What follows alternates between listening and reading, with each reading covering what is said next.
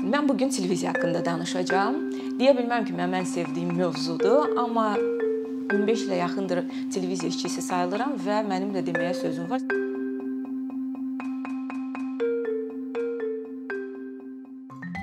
Mənə görə televiziyamızda problemlər var. Bu haqqda hamı danışıb, danışır və danışacaq da. Mənə görə ən böyük problemlərdən biri Sovet dövründə yaradılmış idarəçilik sisteminin hələ də davam etməsidir. Və nəinki televiziyada, ölkəmizdə fəaliyyət göstərən bir çox sahələrdə əfsuslar olsun ki, bu sistem var, durur. Və bu sistemlə, məsəl üçün hal-hazırda bizim qibtə elədiyimiz, baxdığımız və wow dediyimiz o Avropa, inkişaf etmiş o ölkələrdəki o televiziya sisteminin arasında böyük bir uçurum var. Yəni daha konkret desək, o qədər xırda detallar var ki, adi məsəl üçün rəhbərlərin özünü aparmazlarından tutmuş, yığdığı komandalara Əfsuslar olsun çox zaman heç ə, e, düzgün komanda yığılmır. Peşəkarlardan ibarət komanda yığılmır. Daha çox ə, e, digər nüanslara fikir verilir peşəkarlıqdan savayı. Və o da ona gətirib çat, ə, e, gətirib çıxarıb ki, kanallarımızda ə, peşəkarların sayı, əsl peşəkarların sayı və müasir televiziyada, müasir video productiondan başı çıxan insanlar barmaqla sayılası dərəcədədir. Və bu gün əfsuslar olsun ki, bizim kanallarımızda elə illərlə eyni pozisiya sahədə, yəni illər deyəndə mən sizə 10 ildən, 5 ildən danışmıram da. Mən 20 il, 30 il, inanın mənə 40 il bir yerdə çalışan insanlar bu gün müasir televiziyanı həmin o durğunluq vəziyyətində saxlayırlar və bu gün hətta cavan kadrlar da gələndə sanki onlar da onların təsiri altına düşürlər. Ona görə bu gün barmaqla sayılası yaxşı nümunə olaraq, yəni pis deyəndə adam gəlir yaxşını da desin, İctimai televiziya və Balaş Qasımovdur ki, həm idarəçilik sistemi tamam fərqlidir.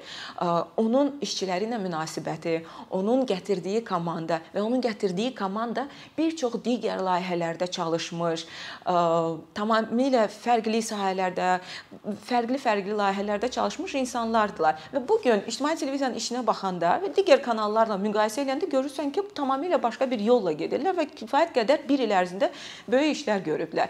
Bunu yəqin ki, belə deyək də, bu gün trafaret kimi mən istifadə eləyərdim və digər kanallarda mənə gəlir ki, orada nümunə götürməlidirlər. Başqa bir məsələyə də toxunmaq istəyərdim. Senzura. O da Sovet dövründən qalma bir şeydir. Çünki ə, mənim ə, Türkiyədə, ə, Ukraynada və Norveçdəki gördüyüm və aldığım balaca bir təcrübəni görürəm ki, o yoxdur elə şey xaricdə. Yəni mən bir rəhbər olaraq və bu gün mən baş prodüser kimi müəyyən böyük layihələrdə işləyirəm və mənim öz komandam var və hal-hazırda da öz production-um var ki, beynəlxalq layihələrdə çalışırıq. Və mən nə edirəm? Mən inandığım peşəkarlığına, şəxsiyyətinə, inandığım insanları yığmışam və məni onları kimisə gəlim insan qoyum ki, onların peşəkarlığını yoxlasın və yaxud efirə gedən materialı, onların verdiyi hər hansı bir ə, produktu yoxlamağa mənim ehtiyacım yoxdur. Çünki mən gətirdiyim adamı tamamilə inanıram və onun peşəkarlığına bələdəm. Amma televiziyalarda tamam fərqlidir. Yəni rəsmi olaraq senzura yoxdur. Amma həm də var. Sən ə, e, verilişin ə, e, efirə getməmişdən qabaq müəyyən insanlar var ki, ona baxırlar və qərar verirlər. Olar yoxsa olmaz. Sonda baxırsan ki, elə verilişlər hərdən efirə gedir ki, yəni nəyinə baxırdılar? Nəyi keçirirdilər ələkdən? Böyük sual altında yaranır ki, yəni doğrudan da bu insanlar lazımdırlarmı və doğrudan da o insanlar müasir televiziyadan kifayət qədər yaxşı başları çıxır. Yəni bizdə də hal-hazırda əfsuslar olsun ki, eyni durum var. Digər bir məsələ, televiziyalarımızda hə deyirik yaxşı kadrlar yoxsa. O kadrlar hardan gəlsinlər? Yəni hardan o kadrlar çıxsınlar, peyda olsunlar? Məktəbi var, yox və ə, özümdən götürüm. Mən 2 ali təhsilim var. Biri aktyorluqdur, digəri də musiqişünas kimi bitirmişəm. Konservatoriyanı oxumuşam, İncəsənət Universitetini bitirmişəm. Televiziyaya heç bir aidiyyatım yox idi. Amma mənim bəxtim gətirdi. Mən televiziyaya gələndə mənim yanımda çalışan insanlar cavan idilər, ə, müasir idilər, ə, ambisiyalı idilər və televiziyada məndən fərqli olaraq müəyyən təcrübələri var idi və o təcrübəni mənə öyrədərək və belə deyək də bir balaca istedadım varsa və ə, aldığım təhsildə də ə, o, belə deyək də o nəsə almışamsa, onu da üst-üstə gələrək ə, sonda nəsə alındı. Amma ümumilikdə götürəndə onu bizdə ölkədə onun məktəbi yoxdur, öyrənilən yeri yoxdur. Biz sadəcə olaraq onu digər televiziyalardan öyrənə bilərik, digər hazırda dünyada fəaliyyət göstərən e, rejissorlardan, aparıcılardan və e, televiziya sahəsində və video production sahəsində olan e, platformalardan nəsə götürə bilərik. Bəli, bu gün bir televiziya akademiyası deyilən bir məktəb deyim, buna var. Amma mən oradan hələ yenə də deyim, müasir tələblərə cavab ver, cavab verən bir peşəkar görməmişəm. Və mən orada çalışan müəllimlərə baxanda, orada da həmçinin eyni problemdə çox hörmətli insanlar e, çalışır. E, Azərbaycan üçün böyük işlər görmüş insanlar çalışır. Amma mənə görə e, o insanlar televiziya tarixi barəsində dərs deyə bilərlər, amma müasir televiziya haqqında ə, üzrlü saytlan mənə məni, amma müasir televiziya haqqında o insanların mənə görə ə, kifayət qədər biliyi yoxdur. Ə, belə kadrlar ya xaricdən gətirilməlidir, ya özümüzdə də az sayda var, onlara müraciət olmalıdır, məfsuslar olsun ki, olunmur. Ona görə də bizdə müəyyən kadr çatışmamazlığı var. Bütün günahı əlbəttə ki, tək sistemə, idarəçiliyə üstünə qoymaq da biraz düzgün olmazdı. Çünki gənclərimizdə də günah görürəm. Çünki gənclərimiz gələnlər televiziyaya gəlmək istəyənlərin bir çoxunun bir arzusu var ki, televiziyadan daha çox reklam kimi istifadə edirlər. Mən gələcəm, məşhurlaşacağam, sonra isə gedəcəm, çoxlu toylarım olacaq, aparacağam, özümə də maşın alacağam, ev alacağam. Yəni yəni daha çox gəlir mənbəyi kimi baxılır. Və bu televiziyaya gələn gənclərin arasında da misal üçün o ambisiya ki, mən gəlim yeni nəsə nəfəs gətirim, yeni nəsə yaradım çox az azdır. O gənclər çox azdır. Ona görə də onlar gəlirlər, e, bilirsiniz, o damarı tuturlar ki, "Aha, tamaşaçı nə istəyir? Mən onu verim, daha tez populyarlaşım." Amma tamaşaçı onu bəlkə istəmir, amma mən elə bir layihə yaradım ki, o tamaşaçını özümə gətirim, baxdırım, yeni nəsə öyrədim. Yəni o ambisiyada olan insanlar çox azdır. Daha digər bir problem maliyyə problemidir ki, yəni televiziyada çalışaraq sən yaxşı pul qazanamaq şansın o qədər də çox deyil. Və peşəkarlar var ki, doğrudan da gəlib yaxşı nəsə eləyə bilərlər, amma onların digər, yəni freelance çalışaraq və yaxud da digər productionlarda çalışaraq daha yaxşı pul qazana bilirlər deyəndə nəyə görə onu qoyub televiziyaya gəlsin? Elə bir problem də var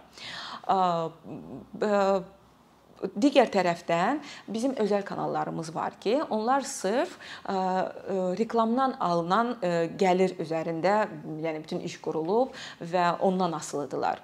Və onlara çox irad tutmaq əslində düzgün olmazdı, çünki məhz onlar tamaşaçının istədiyini verirlər və tamaşaçının dalınca gedirlər, çünki daha çox reklam gəlir və onlar həm o işçiləri, həm ümumiyyətlə televiziyanı saxlaya bilirlər. Amma bizdə dövlət televiziyaları var, ictimai televiziyalar var ki, onlar dövlət tərəfindən maliyyələşdirilir verirlər və onların elə bir problemi e, varsa da o qədər böyük və qlobal şəkildə deyil. Və onlar məhz yeni ə, ə, məhsul yaradaraq yeni məhsul, yeni tendensiyalar yaradaraq tamaşaçıya tamaşaçının zövqünü formalaşdıra bilərlər, tamaşaçı üçün yeni perspektivlər aça bilərlər. Yəni tamaşaçının ardınca yox, tamaşaçını öz ardınca apara bilərlər və onların əlindədir ki, bu gün olan o zövqsüzlüyü və s.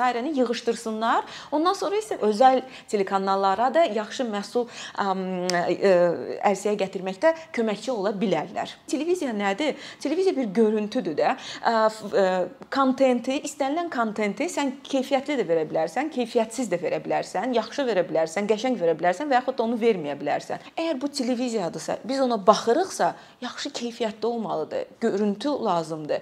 Bu gün insanlar adi misal üçün kameralara baxanda nəyə çəkirlər? Hətta o texniki resurslarımıza baxanda kanallarda, yəni adam xəcalət çəkir də. Baxırsan ki, biz çəkilişə gedirik misal üçün xaricə onlar nəyə çəkir? Məsələn, öz kamerandan utanırsan. Yəni bizdə bu gün hələ də BTK, Divikama işləyən kanallar var. Yəni xaricdə onlar artıq muzeydədir də. Mən mən Yaponiyadan, Koreyadan, Cənubi Koreyadan danışmıram ha. Yəni mən o ölkələrə gedirəm. Mən adi yaxın Şərqi Avropaya hətta müqayisə eləsəz, bu gün BTK, Divikam onların muzeylərindədir. Onlar insanlara televiziya tarixini göstərirlər və orada bizdə isə hələ də ona çəkirlər və onunla efirə çıxırlar.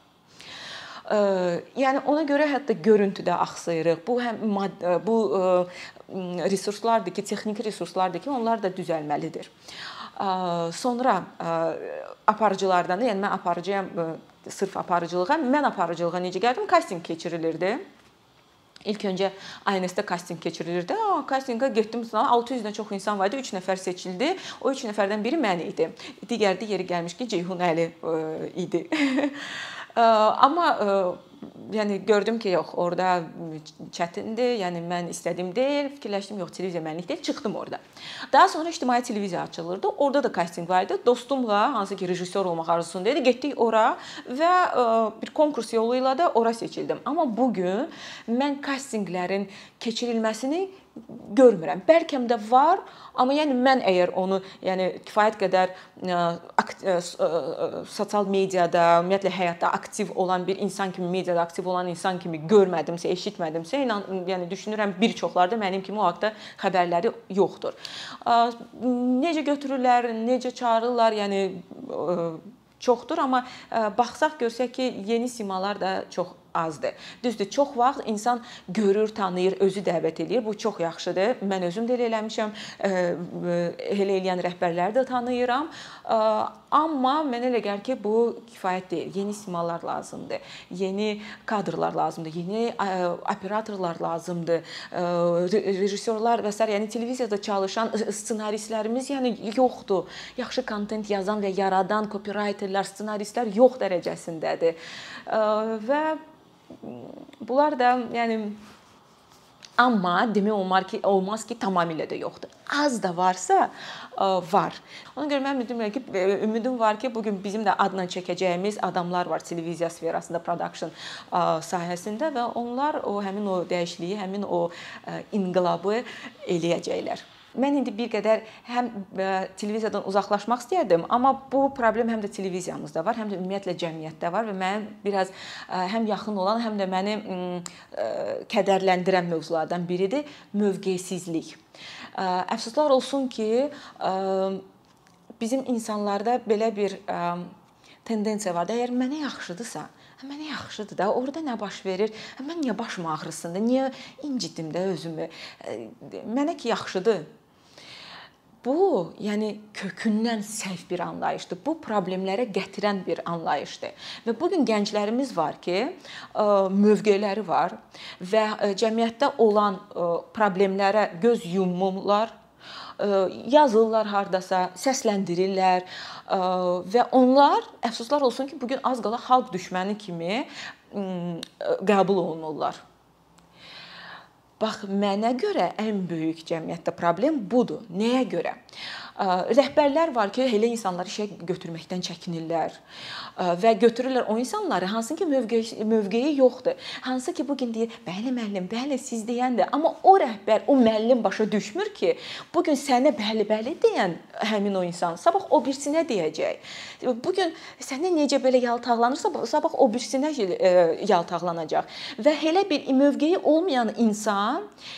satqınlıq da eləyə bilər, yalan da danışa bilər və oğurluq da eləyə bilər və sənə eləyə bilər onu. Amma mövqeyini söyləyə bilirsə o insan və bu gün bir insan ölkədə olan, cəmiyyətdə olan bir problemi səsləndirirsə, bu ona görə onu səsləndirmir ki, sənə düşməndir, sənə pislik eləmək istəyir. Əksinə ürəyi yanır deyənə onu deyir. O ölkəni sevir deyənə onu deyir. Ölkədə olan o problemi aradan qaldırmaq istəyir deyənə onu deyir və ə, bu ölkəyə sevgidən yəqin irəli gəlir ki, onu deyir. Əgər o onu sevməsəydi, onun vecinə olmasaydı, o da həmin o sənə bəli, bəli, müəllim, düzdür, düzdür, düzdür deyən insandan biri olardı. Və o insanlara bu gün qiymət vermək lazımdır. O insanlara bu gün iş, vəzifə, imkan və şərait yaratmaq lazımdır ki, həmin o boşluqları, həmin o ölkədə olan problemləri o adamlar qaldıra bilər. Sonda yekun olaraq mən ə, televiziyamızda çalışan o istedadlara demək istəyirəm televiziya həvəsi olan gənclərimizə demək istəyirəm ki, qoymayın sizi ə, mövqeysizləşdirsinlər. Qoymayın sizi də rəndələsinlər. Qoymayın sizi ə, sizi də boz rəngə çevirsinlər. Çünki gələcəyi öz mövqeyinizin üstündə durun. Eləmək istədiyinizi nəyin bahasına olursa eləyin. Söz deməyə qorxmayın. Mövqeyiniz olsun, möhkəm olun, güclü olun və sözünüzü deməyi bacarın və e, dəyişməyin. Dəyişin, amma yaxşılığa doğru.